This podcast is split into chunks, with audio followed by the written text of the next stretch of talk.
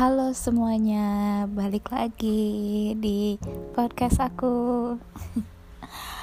Oke, jadi aku hari ini mau cerita ya. Aku mau curhat banget karena hari ini nih bener-bener kayak rude banget, bener-bener kayak kayak kenapa gitu. Jadi tadi pagi aku kan gak tau kenapa perutku tuh bermasalah banget gitu. Padahal aku tuh bangun tuh dengan bahagia gitu loh. Kayak aduh hari ini libur bangun dengan senang bahagia tanpa beban pikiran. Terus terus habis masak makan banyak seperti biasa dan kayak habis makan itu tuh tiba-tiba tuh kayak apa ya mual gitu loh. Kok kok tumben aku kayak gini? Terus ya udah terus terus aku mau terus aku istilah intinya perutku sakit kayak tumben gitu kan. Itu pertama. Yang kedua kan aku bersih bersih rumah nih bersih bersih rumah. Terus uh, aku ngepel gitu. Terus habis ngepel itu nggak tahu kenapa uh, lantainya tuh belum kering gitu. Terus aku jalan terus aku kepleset jatuh. Itu kayak itu tuh sakit banget anjir. Kayak kok maksudnya selama bertahun-tahun aku ngepel gitu ya tumben banget aku tuh kepleset kayak gitu. Jadi itu dua masalah. Oke jadi udah lancar-lancar. Terus yang ketiga yang ketiga itu kan aku lagi belanja ke Indomaret. Terus tiba-tiba motor aku itu terjebak sama truknya Indomaret itu loh kayak akan aku udah parkir. Tiba-tiba truk Indomaret tuh dateng dan nutupin jalan gitu. Terus ya udah kan aku jadinya terjebak di Indomaret nggak bisa keluar gitu loh. Kayak aduh sebel banget gak sih? Gitu. Yang ketiga aku kayak nung nunggu di Indomaret tuh kayak eh, uh, 20 menitan gitu kan. Kan aku nggak enak ya kalau misalnya tiba-tiba aku kayak minta uh, keluar gitu. Soalnya tuh uh, truk tuh lumayan gede gitu loh. Dan dia masuk aja tuh udah susah payah banget gitu. Terus kayak mereka kan kayak ngeluar ngeluarin barang dari truk itu kan. Tiba-tiba aku kayak minta uh, keluar gitu. Aduh kayaknya nggak enak gitu ya. Udahlah aku ngalah. Terus aku tunggu 20 menitan. Terus yang keempat ini yang paling wo, paling parah banget yang wo, paling sial banget lah ya. Itu kan aku dari Indomaret itu aku ke tempat gym kan. Nah sampai di tempat gym itu tiba-tiba motor aku tuh mati guys. Kayak hah? Mati kenapa? Maksudnya bensinnya tuh masih ada masih ada kayak dua strip gitu loh nggak yang habis banget. Kalau habis banget tuh kan aku tahu kalau itu bensinnya habis. Tapi ini kayak bensinnya masih ada tapi kok mati gitu loh. Maksudnya masa sih aki? Aku baru ganti aki kayak 5 atau enam bulan yang lalu gitu terus aku juga udah isi oli gitu loh udah ganti oli juga. Terus kayak hah? Maksudnya matinya tuh bener-bener kayak mendadak gitu loh nggak ada yang kayak ada ciri-ciri gitu. Aku jadinya bingung dan aku juga jalan pakai motor itu nggak banyak gitu loh cuma dari rumah ke tempat gym gitu. Kok bisa? Gitu. Masa sih bensin? Kalau misalnya ternyata bensinnya habis kan berarti rusak dong tanda uh, gini apa sih namanya tuh? Ya untuk nandain bensin itu nggak tahu sih aduh makanya kayak sial banget. Hah, makanya tadi tuh aku terpaksa aku ngomong sih sama mbak-mbak. Gymnya aku nitip motor terus besok pagi aku ambil tapi aku juga nggak ngerti nggak tahu nih aku. Aku harap sih semoga itu bensin ya karena kan gampang aku cuma tinggal beli bensin. Tapi kalau misalnya ternyata nggak bensin itu yang sih yang aku kayak mikir gimana ya caranya? Gitu. Hmm ya nggak tahu lah besok ya. Intinya besok aku harus bangun pagi karena aku harus ngurusin motor itu. Aduh kayak sulit banget ngasih hari ini tuh kayak kesialan gitu tuh banyak banget gitu loh dari yang rendah sampai yang tinggi gitu. Dan ya untungnya aku juga udah beli obat obat mual ya. Aku juga nggak ngerti kenapa kok aku tiba-tiba mual gitu. Ya sebel banget. Oke jadi kita kembali ke topik ya. Jadi hari ini aku kayak mau cerita-cerita gitu karena udah cukup lama ya. Aku udah nggak cerita-cerita karena akhir-akhir ini aku kayak aduh bad mood banget. Dan bad moodnya tuh nggak cuman masalah kerjaan juga tapi kayak banyak-banyak gitu loh. Kayak lu tiba-tiba aku kayak akhir-akhir ini kayak entah kenapa kayak anxiety gitu loh. Aku sih ngerasa aku tuh anxiety ya. Sekarang kayak gampang panik gampang gampang cemas gitu. Makanya aku harus ngelampiasin dari bikin-bikin podcast kayak gini sih atau enggak aku harus baca buku atau aku harus nulis gitu. Supaya energi aku tuh keluar itu kayak kecemasan aku tuh terlampiaskan gitu. Kalau enggak tuh kayak aku ngerasa kayak otak aku tuh penuh aja sih gitu. Oke okay, jadi aku tuh mau curhat masalah uh, gini dulu tahun lalu bukan tahun lalu sih ya hampir dua tahun yang lalu ya dua tahun 2019 gitu aku itu pernah kerja um, apa namanya kerja daily worker istilahnya kayak training gitu itu di salah satu sekolah um, aku nggak bisa bilang internasional karena kualitasnya rasa-rasa sih tidak internasional ya itu daycare daycare. Jadi tapi daycare itu banyak banget ada bulenya. Karena itu tempatnya tuh di tempat wisata guys gitu loh. Jadi banyak ekspatriat gitu. Jadi kelihatan tuh kayak keren gitu loh. Kayak wow ini sekolah apa gitu? Kok banyak bule gitu? Jadi orang-orang yang ngeliat tuh kayak wow keren banget gitu. Sekolah ini kayaknya asik banget gitu kayak kayaknya sekolah internasional gitu terus kayak orang-orangnya tuh pakai bahasa Inggris guru-gurunya juga pakai bahasa Inggris kayak gitu. Awalnya aku juga mengiranya kayak gitu ya guys. Jadi aku masuk ke sana dan aku tuh happy banget karena aku tuh kayak langsung keterima gitu loh. Jadi uh, ada interview tapi lewat chat tuh kayak kayak mereka tuh benar-benar kayak uh, welcome banget sama aku. Ayo uh, kita ada lowongan nih ayo masuk uh, ya begitu lah ayo daftar yuk gitu. Nanti interview dan dokter interview tuh juga yang kayak dia tuh tidak meragukan aku lah istilahnya gitu. Aku happy ba happy banget kan waktu itu kayak bener-bener yeay gitu. Dapat ke masuk sekolah yang menurutku keren banget gitu kan. Oke okay, jadi aku masuk ke sana dan aku jadi asisten teacher waktu itu gitu. Dan ya nggak apa-apa kok soalnya aku tuh kan bukan lulusan gini ya bukan lulusan apa namanya pendidikan gitu. Jadi menurutku udah dapat keterima jadi asisten teacher itu udah keren banget ya udah lumayan banget gitu. Dan waktu aku masuk dan ya aku kayak happy banget gitu aku ngeliat kayak sekolahnya lucu warna-warni terus kayak kayak TK-nya itu ya bukan TK-TK yang yang uh, sekolah-sekolah yang menengah ke bawah gitu. Ya istilahnya keren, keren lah lucu gitu loh. Kayak instagramable banget sih ini sekolah gitu kan. Uh, mainannya banyak banget guys. Mainan tuh banyak banget dan dan ya pokoknya kelihatannya tuh asik lah. Jadi di sana tuh ada baby class ada um, apa ya baby class itu kan dari umur 0 sampai umur 1 ya. Terus ada 2 sampai 3, 3 sampai 4, 4 sampai 5. Jadi kayak gitu kelasnya, guys. Nah, aku waktu itu ngajarnya di 2 sampai 3 gitu. Nah, waktu aku masih ngajar di 2 sampai 3 itu aku masih happy-happy banget, guys. Jadi aku tuh ngajar di sana itu kayaknya satu bulanan gitu. Dan aku ngerasa sana tuh happy banget. Anak-anak itu ya nakal sih namanya uh, aku juga kayak baru sadar bahwa anak-anak bule itu lebih nakal daripada anak-anak lokal. Jadi anak-anak bule itu kayak mereka tuh lebih berani untuk melanggar gitu loh lebih berani untuk ngelawan orang dewasa gitu loh. Uh, emang sih mereka tuh di sisi uh, sisi positifnya mereka tuh berani ya. Bule tuh berani banget uh, dari kecil tuh mereka kayak udah berani banget dan mereka tuh nggak ada yang kayak aku harus apa ya kayak senioritas itu nggak ada ya. Jadi kayak mau berapapun umurmu kalau kamu uh, aku maunya ini ya ini gitu. Kayak branding lawan gitu lah. Sedangkan kita kan orang Asian gitu kan ya mostly Asian itu kan pasti kalau ada orang dewasa kita tuh takut gitu kan kayak senioritas gitu loh. Jadi kalau ada orang dewasa kan kita hormat nurut gitu. Apalagi guru gitu. Kita pasti takut takut banget gitu kan kalau guru gitu.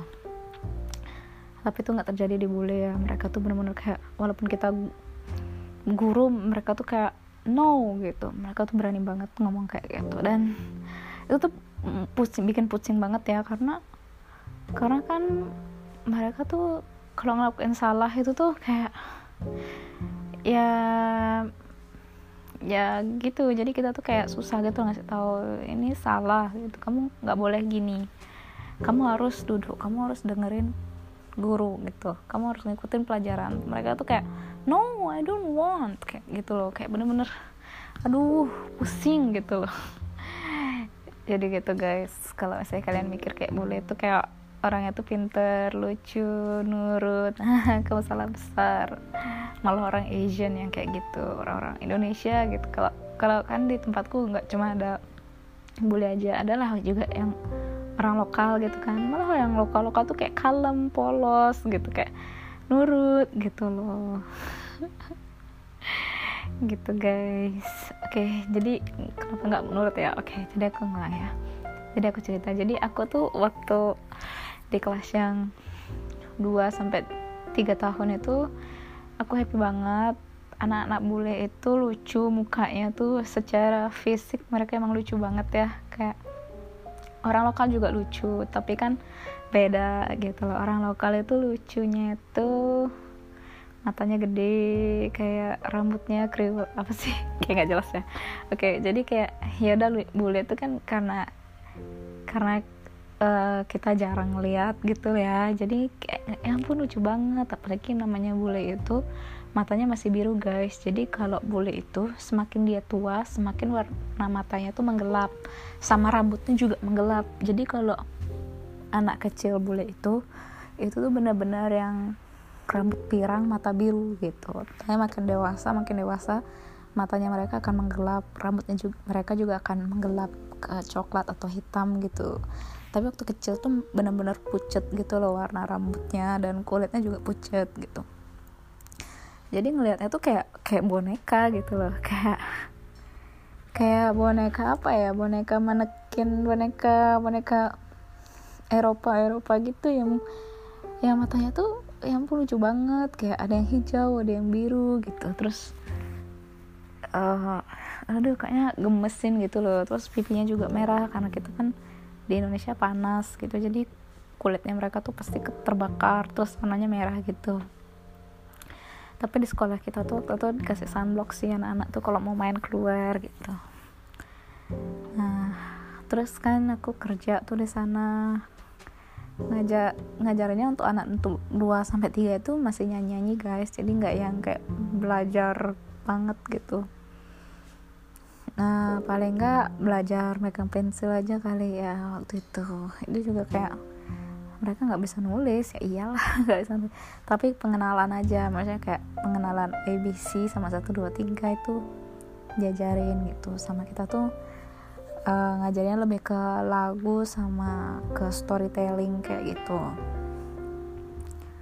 Nah, everything is fine waktu itu, kayak semuanya berjalan lancar, aku suka anak-anaknya, dan ya happy lah. Aku ngerasa kayak waktu itu kayak wow, ini kerjaan yang menyenangkan, kayak nggak banyak mikir. Kayak aku kan sebenarnya basicnya tuh sekolah desain ya.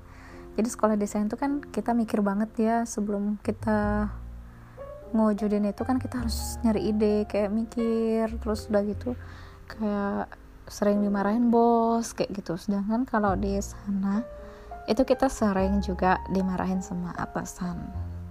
Oke ini ini nanti ini cerita nanti. Jadi tapi kita tuh kayak kayak nggak terlalu mikir sih di sana. Karena karena aku aku di sana kan asisten teacher ya. Mungkin teachernya mikir tapi aku nggak. Aku kan cuman kayak bantu bantuin aja gitu.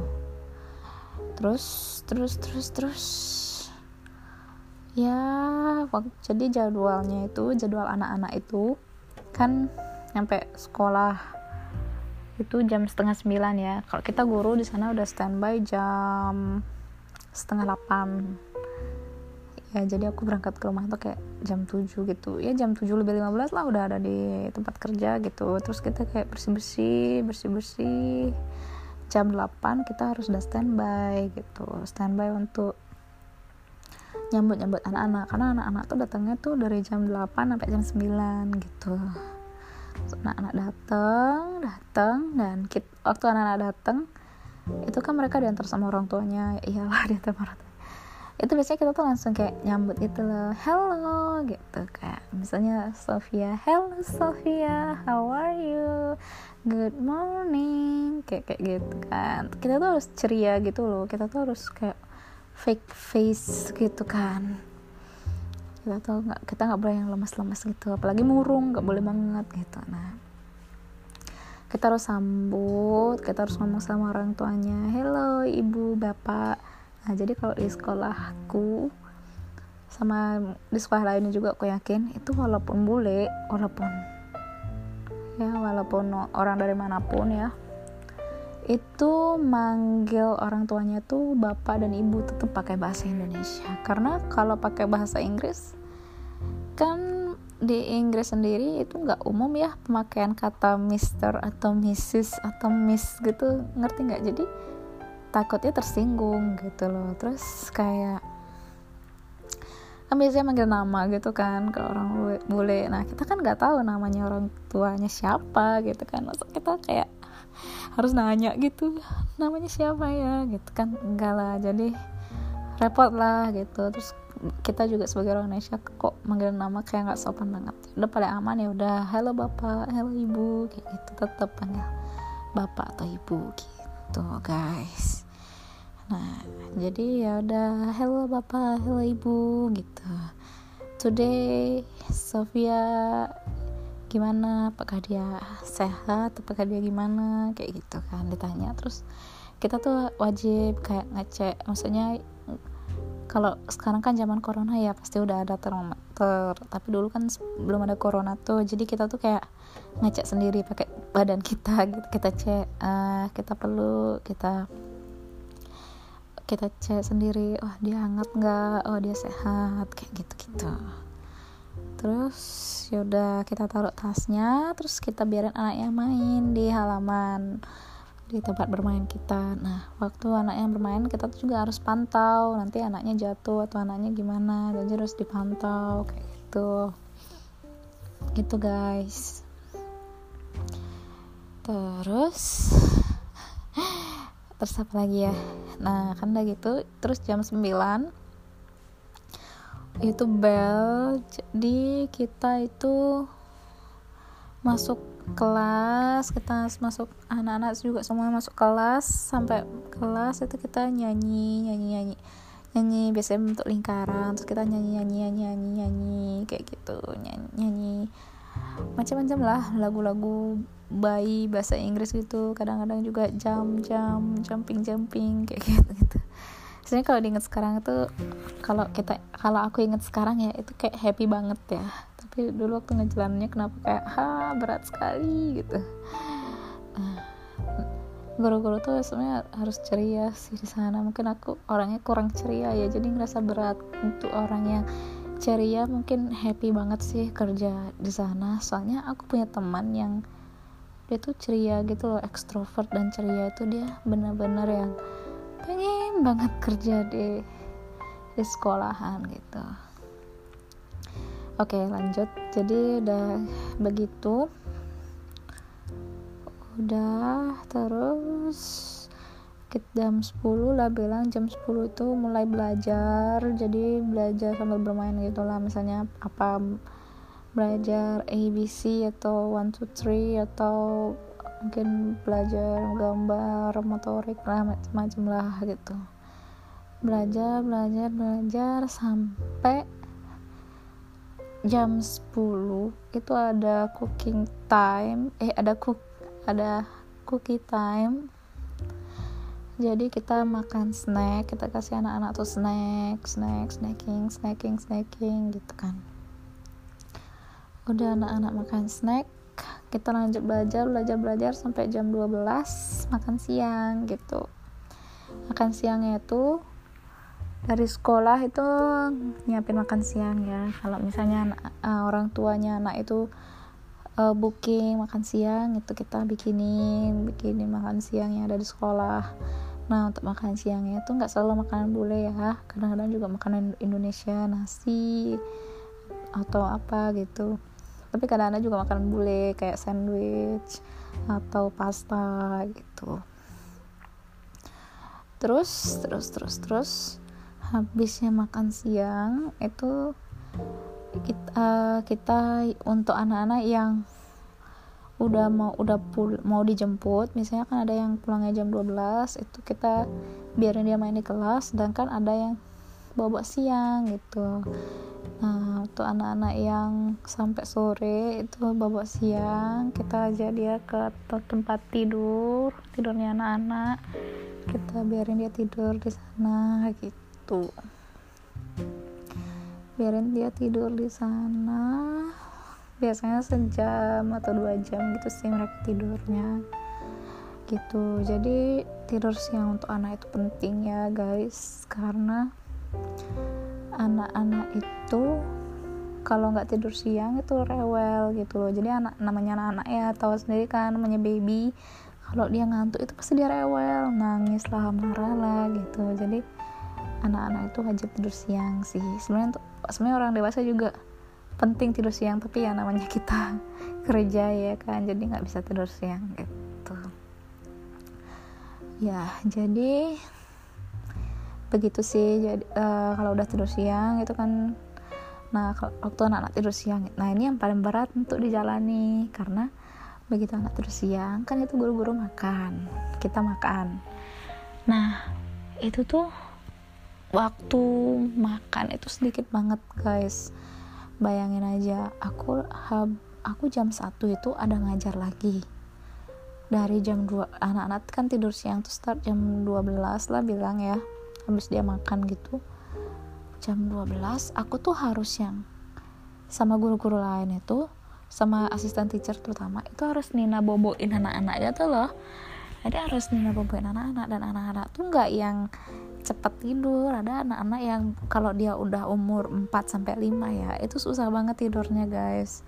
Kalau anak-anak baby umur umur umur 0 nggak mungkin masuk sekolah ya. Let's say lah umur 5 atau 6 bulan lah ya udah di, berani di sekolahin umur segitu sampai umur 2 tahun itu masih gampang dinina bawain tapi kalau udah umur 4 sampai 5 itu susah banget benar-benar susah banget sampai kita tuh yang marahin apa ya please sleep please sleep gitu.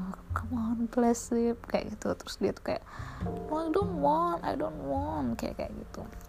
Aduh itu sus susah banget. Nah anggaplah 30 menit kita tuh Nina boboin dia. Terus aku kayak cuman punya waktu 30 menit kurang loh guys untuk makan gitu loh. 30 menit kurang untuk makan. Aduh kayak ngebut banget tuh nggak makan yang ngebut banget. Dan benar-benar gak ada waktu buat ngeliat HP itu nggak ada. Kayak ngeliat HP itu kayak cuma ngecek ada chat nggak. Terus kayak ya udah nggak bisa lagi taruh HP-nya terus ya udah kerja lagi ya udah jam jam satu tuh kerja lagi ngajar sampai jam 4 jam 4 baru dari jam 4 sampai jam 5 itu kita tinggal kayak nungguin anak-anak dijemput sama orang tuanya gitu. Kayak gitu guys kerjanya di sekolah TK kayak emang nggak mikir sih jujur nggak mikir tapi fisik fisik fisik fisik fisik dan mental. Nah jadi gitu sih. Maksudnya gimana ya? Di tem sebenarnya bagus sih anak sekolah anak kecil itu di sekolahnya tuh bagus. Jujur aja sih di sana tuh aku belajar parenting ya. Kayak, uh, kayak ya kayak tadi lah aku tahu kalau anak kecil tuh harus tidur siangin. Aku juga harus aku juga jadi tahu porsi-porsi anak tuh belajar porsi anak belajar umur umur berapa itu tuh aku tahu gitu loh. Kayak oh umur umur 0 sampai umur satu tuh belajarnya tuh kayak gini aja ini ngajarnya. Terus umur sekian sekian gini. Terus aku juga tahu kayak urutan urutan uh, kehidupan anak yang baik. Kayak dia dari bangun tidur sampai malam itu tuh dia ngapain tuh aku kayak tahu gitu kan. Ya aku ju jujur aku belajar banyak dari sana. Dan itu tuh benar-benar pelajaran yang berharga ya untuk nanti aku kalau aku punya anak. Tapi tapi aku juga kayak beban hidup di sana tuh banyak banget ya guys. Oke jadi aku mau curhat ke kalian apa sih beban-beban hidup yang kurasain di sana gitu. Oke. Jadi pertama aku bisa bilang kalau guru-gurunya itu banyak sekali yang fake face gitu. Aku nggak tahu apakah di semua sekolah kayak gitu tapi pasti ada guru yang beneran tulus ya beneran tulus beneran baik mau ngajarin anak gitu. Tapi mostly yang aku lihat di sekolah itu mereka tuh pada palsu gitu loh mukanya tuh palsu. Jadi gini guys di depan orang tua di depan bapak ibunya baik banget. Kayak hello kayak wow misalnya siapa ya? Misalnya uh, Sofia tadi udah ya ganti nama ganti nama biar nggak bosan misalnya stand gitu kan. Misalnya Stan itu di depan di, di depan orang tuanya Stannya dibilang ah Stannya baik sekali. Dia tuh anaknya uh, nurut dia anaknya baik dia nggak nakal kayak kayak gitu kayak di depan orang tuanya tuh baik banget. Tapi di belakangnya guys Stan itu dimarahin Stan itu kayak dibentak itu gitu. Jujur ya aku juga kaget banget loh waktu aku masuk ke tempat kerja ini ternyata anak-anak itu juga dimarahin dan dibentak gitu. Jujur aku kaget. Karena sebelum aku kerja di daycare aku juga kerja di playground. Jadi di playground itu ya udah taman taman bermain aja gitu. Aku kerja di sana. Dan itu tuh bukan sekolah ya. Jadi anak-anak itu kan datang sama orang tuanya gitu biasanya. Atau enggak dia mungkin ditinggal sebentar sama orang tuanya. Jadi anak-anak di sana tuh main doang gitu kadang-kadang aku kayak ngajarin ngajarin tuh paling ngajarin ngelukis ngelukis gitu loh. Jadi bukannya ngajarin ngajarin ABC gitu.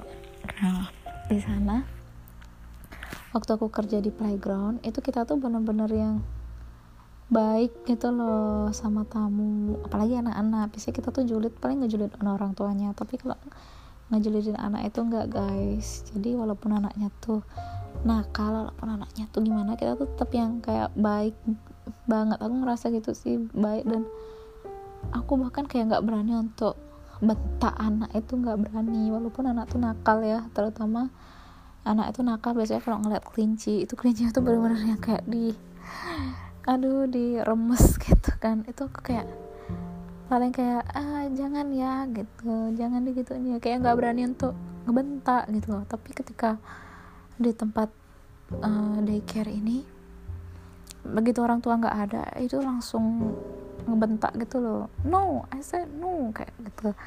Kayak bener-bener yang kayak ih kadang-kadang kayak mereka tuh pakai bahasa Indonesia gitu loh ih nakal sekali gitu kan. Aduh dibilangin nggak ngerti-ngerti kayak gitu. Jadi kan anak tuh nggak ngerti ya karena ngomong bahasa Indonesia. Tapi aku tuh kaget gitu loh oh kok kayak gini ya? Gitu kok bisa yang bentak ngebentak anak itu kok bisa ya gitu kok emang boleh ya kayak gitu gitu. Gitu guys. Dark side-nya gitu. Nah udah gitu. Jadi juga kita kan pernah nih ada kejadian ya. Ada aku juga nggak ngerti sama ke, kepala sekolahnya kita itu kayak random banget jadi ada anak yang keterbelakangan mental gitu. Jadi dia tuh kayak kind of autis. Pokoknya bener-bener parah banget.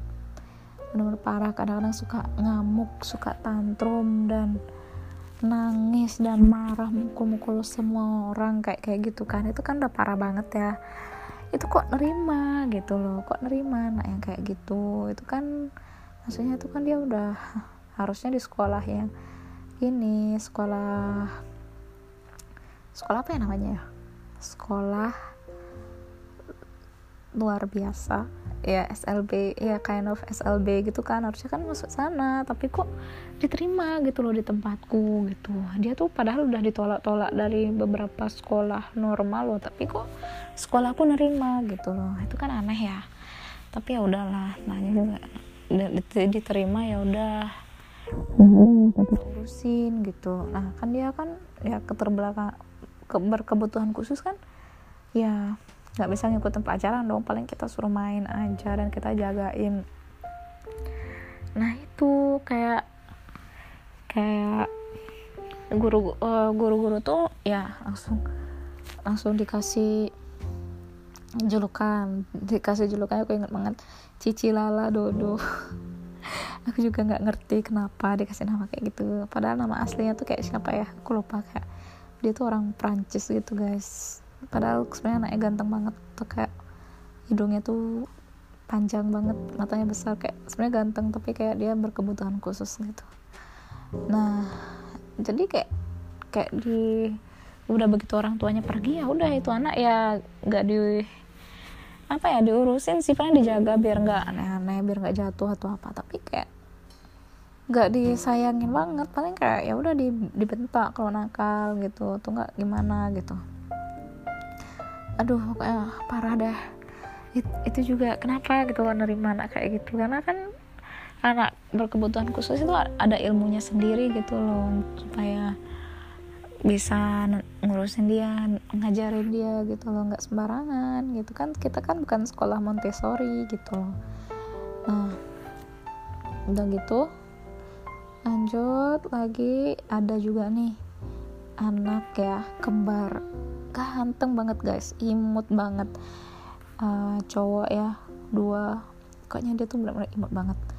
Nah aku ya aku nih ngerasa banget. Kayak sekarang pun aku masih ngerasa kalau sebenarnya anak itu autis guys mungkin autisnya tuh nggak separah yang Cici Lala Dodo yang orang Perancis tadi karena yang Cici Lala Dodo itu kan bener-bener ngamuk gitu ya orangnya kan ngamuk terus bener-bener suka apa ya mukul-mukul ngelempar-ngelempar barang gitu-gitu kan. Tapi kalau dua anak kembar ini ini dia masih gak separah itu dan kelihatan normal kelihatan normal. Tapi ketika kita udah barang dia lama kita akan ngerasa ini something wrong deh sama dua orang ini gitu. Oke jadi aku lupa deh namanya siapa tapi kita sebut aja siapa ya? Kita sebut aja dia hmm, John dan Matthew. Random banget ya. Siapa John dan Matthew? Ya kita anggap aja itu ya John dan Matthew. Jadi orang tuanya John dan Matthew ini kayak itu tuh kayak bule yang gaul gitu loh. Jujur orang tuanya mereka tuh keren banget. Aku kayak wow suka banget sama style ya gitu.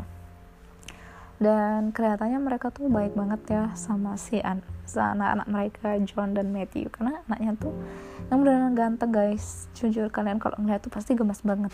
Kayak rambut rambutnya coklat matanya coklat kayak gemas banget lucu gitu loh mukanya.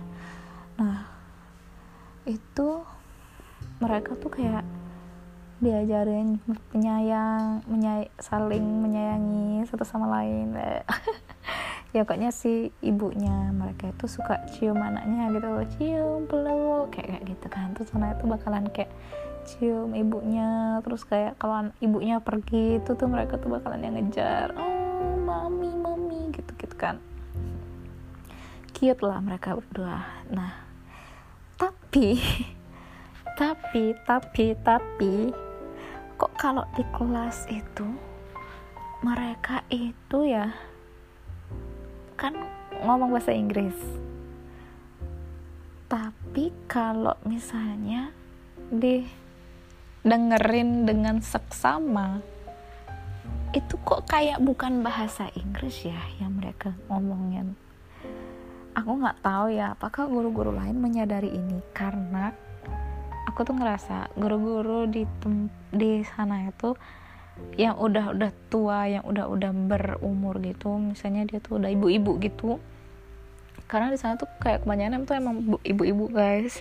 Saya tuh kan sekolahnya tuh udah lama banget ya yang yang muda-muda itu masih sedikit gitu maksudnya aku lihat itu ibu-ibu dan mereka itu bahasa Inggrisnya kacau guys bahasa Inggris bahasa Inggris yang mereka tuh belajar sendiri gitu dan itu tuh gak sesuai dengan grammar gitu loh Nah, pokoknya mungkin ibu-ibu ini nggak sadar ya kalau yang mereka bilang itu, yang Matthew dan John itu bilang itu bukan bahasa Inggris. Aku tuh pernah kayak suatu hari tuh berusaha dengerin mereka tuh ngomong apa ya. Mereka berdua tuh ngomong berdua gitu nyam kayak nyambung gitu guys.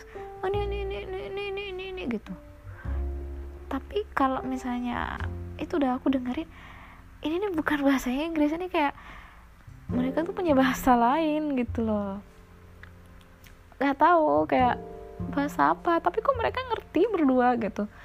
Tapi orang orang lain tuh nggak ngerti gitu dan mereka tuh benar-benar susah banget berbaur sama anak-anak lain gitu. Anak kayak nggak bisa gitu. Mereka tuh benar-benar hyperaktif banget.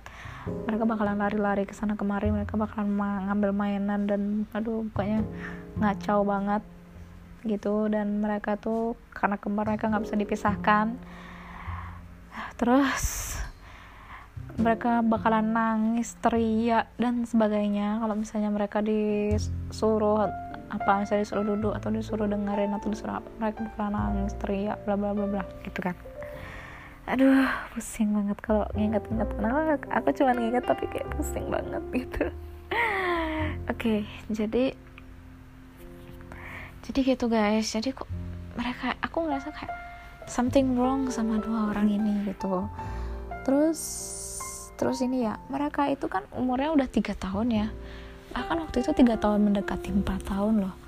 Masa sih gak bisa namanya pipi dan pupu itu di toilet guys? Masih gak bisa gitu loh. Udah diajarin kan kita tuh uh, untuk anak ya umur 2 sampai 3 itu itu ada toilet kelas toilet program gitu loh.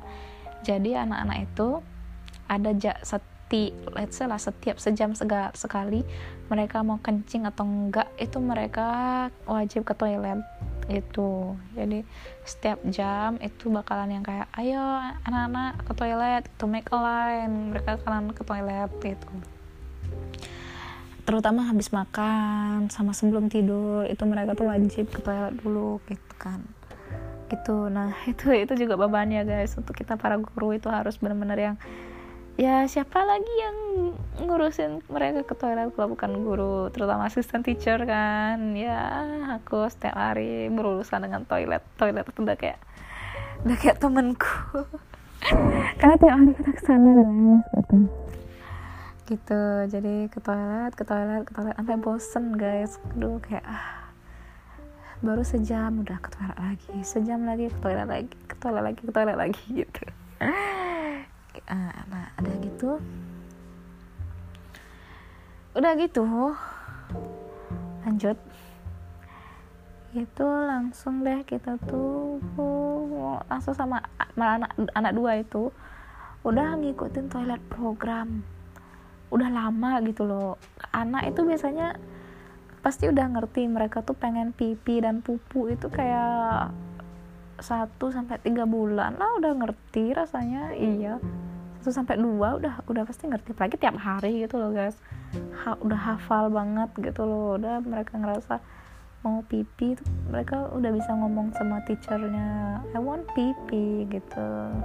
I want pupu gitu. Sih mereka tuh udah bisa. Tapi dua anak ini kok nggak bisa bisa gitu loh. Benar-benar nggak bisa bisa ngompol aja kerjaannya ngompol aja gitu loh. Itu guys. Kok kenapa gitu nggak ngerti-ngerti gitu loh. Itu masa itu something wrong gitu. Lari-lari sana ke sini sana kemari sana kemari gitu. Aduh capek banget sih. Padahal aku cuma nginget tapi kayak capek banget gitu. Itu jadi nah kan aku sempat dengar juga ya teacher yang lain tuh bilang kalau di rumahnya mereka itu mereka diasuh sama pembantu gitu jadi anak pembantu. Nah namanya pembantu ya kan eh cuman ngurusin doang gitu loh yang penting beres. Jadi si pembantu ini ya katanya sih anak-anak mau dia pipi di kebun di halaman itu juga ya dikasih sama pembantunya gitu loh. Jadi kayak apa dia kebiasaan dari rumahnya itu kebiasaan pipi di halaman gitu. Nggak pipi di toilet jadi kayak susah banget toilet program gitu loh. Itu sih kayak kok kenapa? Gitu aku sih ngerasa tuh anak tuh gini autis atau apa aku juga nggak tahu ada yang ilmu psikologisnya. Tapi aku ngerasa dia tuh nggak yang normal gitu. Tapi kenapa nggak ada yang salah? Kenapa teacher-teacher yang lain nggak sadar? Kenapa nggak kasih tahu orang tuanya kalau anaknya tuh bermasalah nah itu aku bilang semuanya tuh fake face. Jadi di depan orang tuanya tuh baik baik. Anaknya dibilang baik anaknya dibilang apa. Padahal anak itu bermasalah gitu loh. Ada sesuatu sama anaknya. Tapi kayak gak mau ngasih tahu orang tuanya gitu. Padahal ya padahal berani banget ngambil ngambil uh, apa murid bule. Tapi nggak berani untuk ngikutin standar bule gitu loh ngikutin standarnya mereka tuh kan bela-belaan dan jujur aja gitu loh kalau anaknya tuh kenapa-napa gitu. Tapi kita tuh masih tetap aja yang kayak takut-takutnya Asian yang anaknya tuh ada sesuatu tapi kayak nggak berani gitu. Gak berani ngasih tahu pengennya ngasih tahu everything is fine aja biar cepet biar beres gitu loh. Coba nih kalau misalnya orang tuanya tuh dikasih tahu kalau Matthew dan John ini sesu sesuatu something wrong sama mereka. Mungkin udah cepat gitu loh dibawa ke diikutin program mental or something gitu loh. Itu sih yang aku kayak sebel banget gitu. Oke okay, jadi ya macam-macam lah ya. Di sana guru-gurunya juga nggak terlalu pintar bahasa Inggris juga sih. Males juga terus terus terus terus terus kayak ya kayak di sana tuh pasti di, dicerewetin banget sama waktu itu sih ya kan aku asisten teacher. Jadi ada satu teacher yang cerewet banget sama aku gitu. Ya aku ya ya mungkin maksudnya dia ngedidik aku ya tapi capek banget guys. Kalau inget-ingetnya capek banget. Jadi ya mungkin maksudnya dia ngedidik tapi jujur aku capek dan aku nggak bisa dan aku nggak kuat. Dan sebenarnya nggak kuatnya tuh bukan yang nggak kuat gimana ya aku tuh capek tuh biasa guys. Kayak aku sekarang kerja di kantor pun ya capek lembur lembur. Bahkan dulu waktu aku kerja di, di daycare itu aku nggak pernah lembur gitu loh. Ya udah jam 5 ya pulang gitu. Paling nggak ya jam setengah enam gitu loh pulangnya. Kalau ada yang anak yang telat dijemput tapi ya jam 4 tank itu pasti udah selesai gitu loh. Nah itulah. Tapi di sana tuh capeknya itu mungkin karena nggak cocok sama jiwa aku kali ya. Ternyata aku nggak nggak jiwa gitu loh di sana. Aku kira aku tuh punya jiwa di sana tapi ternyata enggak gitu. Gitu sih kayak ya namanya juga perjalanan hidup ya. Ada yang cocok ada yang nggak gitu. Gitu sih jadi aku ngerasa kayak ini bukan jiwaku kayaknya di sini gitu. Atau mungkin kesannya tuh kayak gampang nyerah ya tapi jujur ya aku emang nyerah gitu. Jadi kayak tiga bulan doang di situ guys. Gitu karena capek banget dimarah-marahin gitu dan dan aku di sana jujur aku nggak punya teman sama sekali. Karena pertama di cerita itu kebanyakan ibu-ibu gitu kan. Nggak bisa berbaur. Terus mereka tuh kayak nggak gak welcome sama orang baru sih. Aku juga nggak ngerti kenapa. Nah terus ada juga nih salah satu teacher ya. Ini lucu banget guys. Lucu banget. Aku juga baru tahu. Jadi uh, ada salah satu teacher dia itu seumuran sama aku. Tapi dia tuh kan dulu kuliahnya tuh kuliah guru gitu ya kuliah pendidikan gitu. Jadi dia tuh lagi masuk langsung jadi teacher gitu loh. Terus dia itu sombong banget. Dia tuh nggak mau ngomong sama aku gitu guys. Kayak why? gitu loh. Kita sama-sama cewek dan kita seumuran kok kamu nggak mau ngomong sih sama aku? Kenapa gitu loh? Ya aku tahu aku tuh belajar aku tuh masih ceroboh aku tahu aku tahu aku tuh masih bodoh banget. Tapi kok hmm, gini ya gitu soalnya beda banget. Dulu waktu aku kerja di playground itu walaupun banyak banyak gini ya banyak emosinya tapi kita tuh masih berteman gitu loh. Tapi ini kok dia tuh jutek banget sama aku gitu loh. Apa ya kenapa gitu kan? Kenapa kok dia nggak mau ngomong sama aku? Aku jadi nggak punya teman di sana gitu. Dan makan juga guys. Itu dia tuh makan itu ya sama yang senior senior sama yang anak buah anak buah yang orang-orang yang dipercaya sama bos gitu. Jadi kayak mejanya tuh beda gitu loh mejanya tuh beda. Terus aku kayak yang sama yang baru-baru gitu. Nah ada nih salah satu orang yang baru ya itu kayak datang belakangan daripada aku. Itu tuh ngomong kayak gini uh, kenapa ya di sini tuh kok mejanya tuh pisah-pisah gitu? Soalnya di tempat dia kerja yang lama itu guru ya mejanya sama gitu loh dan jadinya tuh kompak. Ini kok mejanya tuh beda-beda gitu. Jadi ada yang senior ada yang junior gitu itu kan males banget ya. Gitu guys. Ya oke okay lah. Aku kayak ya mungkin dia sebel sama aku karena aku emang orangnya ceroboh mungkin ya. Aku lambat aja orangnya karena aku karena di sana tuh kayak semua tuh semua cepet cepet cepet cepet cepet gitu. Kayak gak bisa cepet cepet guys. Oh nggak bisa cepet cepet sama sekali gitu. Terus terus lama lama kelamaan nih uh, orang ini cewek ini kita itu sesama guru ya. Kita tuh nggak berani buat ngomong satu maksudnya gimana ya kayak kalaupun kita tuh ngomong di ke di sekolah ya kita tuh ngomong tuh kayak eh miss ini gimana miss? Ini gimana miss? Gitu kayak seputaran kerja seputaran sekolah gitu loh. Tapi untuk kita yang jujur jujuran itu itu kita berani ya tuh di luar sekolah gitu. Jadi aku tuh udah ketemu sama astaga ini lucu banget sih. Aduh. Jadi aku tuh akhirnya keluar maksudnya aku tuh kayak janjian sama guru ayo kita ketemu di luar baru kita curhat gitu kan. Akhirnya ada salah satu miss yang akhirnya kita tuh keluar aku ajak dia ke rumahku dan sampai rumahku akhirnya curhat gitu.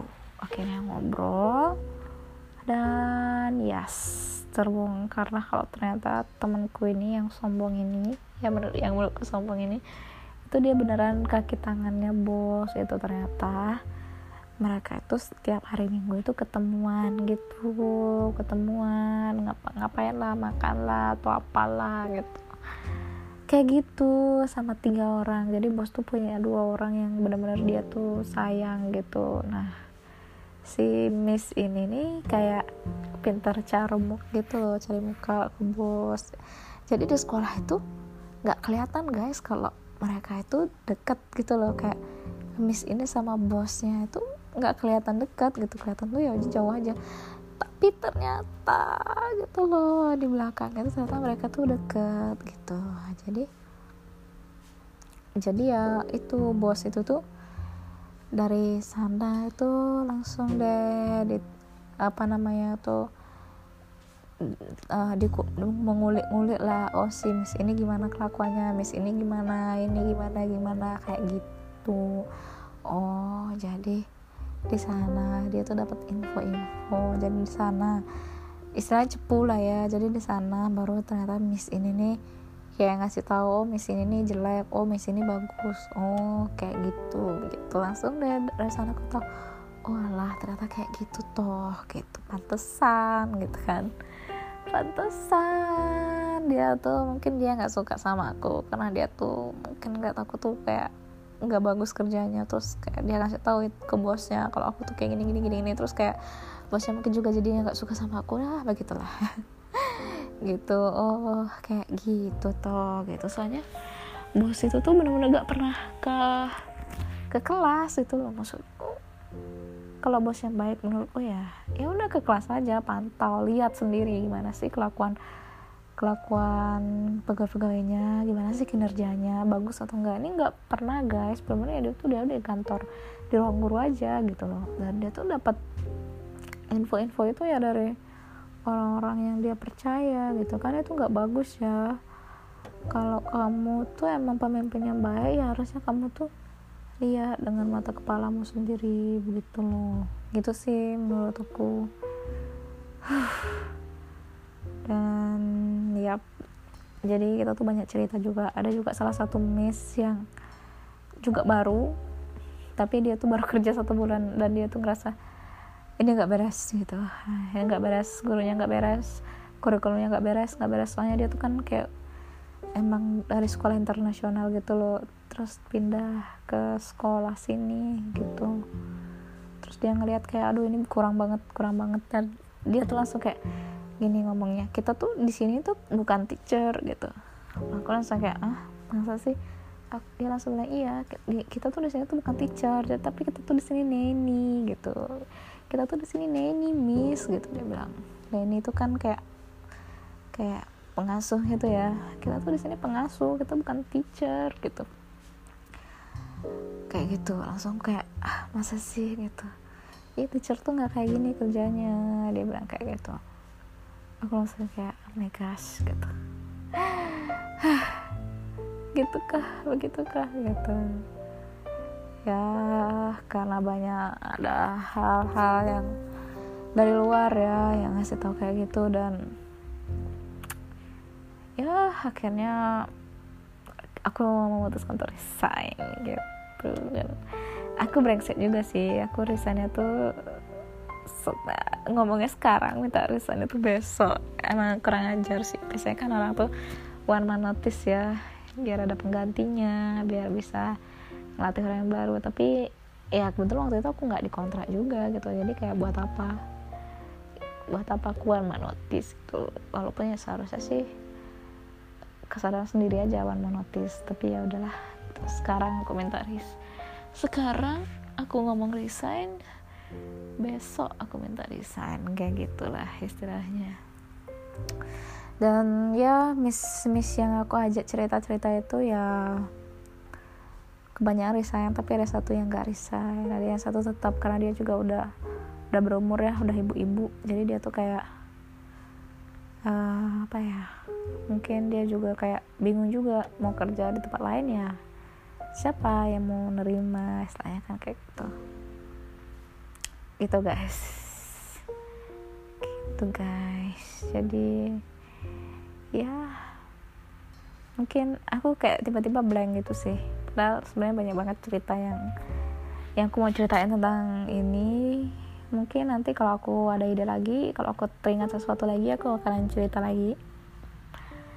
Dan ya sampai sekarang kita cukupin aja ya sampai segini ceritanya and see you on the next podcast. Bye bye.